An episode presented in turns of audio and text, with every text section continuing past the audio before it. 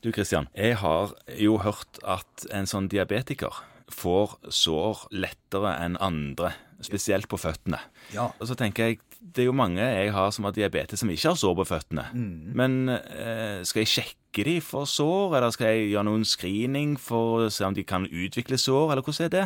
Ja, det der er jo kjempeviktig. Superviktig. Og det, det som er viktig at vi tar med oss der, er jo hvorfor får de sår? Ja, er det ikke fordi at de ikke kjenner så godt eh, at de får en stein i skoen? Jo, kjempegodt eksempel. Det er to ting som Ok, gir de sår. to ting. Det ene er at de ikke kjenner så godt for det vi kaller for nevropati. Blodsukkeret ødelegger nervene. Det andre er det at de ofte får dårlig sirkulasjon. Mm. Sånn at de får dårligere grohud i føttene. Og det i kombinasjon med at du ikke kjenner steinen i skoen, gjør Ja. jo at du kan få et sår. Ja, og da- og så og så når du har fått det såret, så går det jo så seint. Går det jo ikke i det hele tatt. Og det, Nei, det er, seint, det. Ja, og jeg har støtt og stadig, eller ikke støtt og stadig, men, men jeg har jo til og med hatt folk som har kommet der tårn har vært svart og nesten falt av, og, og de lurer på om den skal være sånn. Om det skal lukte på denne måten. Ja. Ja. Og svaret er jo nei. Nei, det skal ikke være sånn. Den skal ha en helt annen farge. Sånn at dette må vi gjøre noe med før de kommer dit. Ja, og da nettopp. må man igjen på denne årskontrollen som vi har snakket om, så må man da teste føtter. Og det viktigste man gjør da, det er at det er ingen som diabetikere som ikke en gang i året skal ta av seg sko og sokker Ja. og vise de fram til en doktor.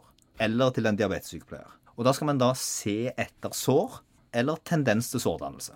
OK. Det kan være veldig hard hud eller veldig avvikende fotstilling som gjør at du tenker at her ser det ut som det kan være veldig høyt trykk et sted. At foten på en måte får veldig mye trykk på et sted, og de har ikke merket det. Å, sånn, ja. Ok. Fordi at de kjenner jo ingenting. Nei, jeg skjønner. Nei. Og så bør man i tillegg til det gjøre det vi kaller for en monofilamenttest. For de som driver med fisking, så vet de godt hva et multifilament er. Ok, hva, hva er det, Hvorfor vet fiskeren det? Fiskeren vet det fordi at sen som består av veldig veldig mange tvinna tråder, er mye sterkere enn et monofilament som er bare én tråd. OK, så vi skal, vi skal til med en veldig veldig enkel scen. Ja, en veldig tjukk en. Og den kan du få tak i. Du kan få kjøpt den forskjellige steder. og det er Til og med Helsedirektoratet har drevet på og delt ut denne her. Ser Ok. ut som en kulepenn der du trykker ut en liten senbit i enden. Så skal du trykke pasienten fire steder under hver fot. Under stortåen og systematisk under forfoten tre steder på hver fot. Totalt åtte steder. Og de skal kjenne dette, da? Det er det som er poenget? Dette skal de kjenne. Ja. Så du bør da teste det f.eks. på håndryggen eller et annet sted, sånn at de vet hva de skal kjenne etter. Ja. Så skal de da ligge fortrinnsvis med øynene igjen eller på en benk, sånn at de ikke ser hva du holder på med. Jeg skjønner. Og så skal de si når de kjenner noe. Og da er det sånn at hvis de kjenner Da graderer vi dette her igjen. For at hvis de kjenner syv til åtte, hvis det er ett av de de er litt i tvil om, Ja. så sier vi dette er greit. De har ingen nevropati, nervene fungerer som de skal. Ingen stor risiko for at de får sår. Sjansen for å få sår er ganske liten, for de vil kjenne steinen i skoen. Hvis de kjenner bare fire til seks, Ja. så er det fullt mulig at det er noen ting.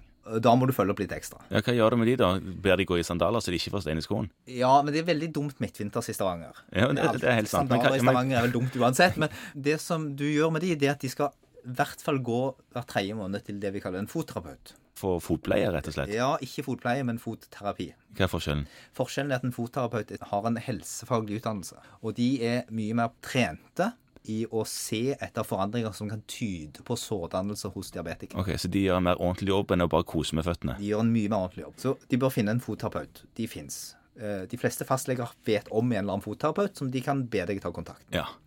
Hvis pasienten kjenner ingenting, eller, Altså, du prikker han åtte ganger, og han har ikke, tror ikke du er i gang engang. ja, eller kjenner mindre enn tre, da bør du i tillegg vurdere ortopediske sko. Spesialtilpassa sko som eh, er skreddersydd. Med bokstavelig fotsenger talt. osv. Med avstøpninger, for å være helt sikker på at trykkavlastningen er så god som den kan bli. Og dette er for å forebygge sårdannelse. I tillegg så vil jo det være et ganske sterkt varsko til pasienten om at nå er føttene dine så utsatt for å få sår at du må være veldig obs.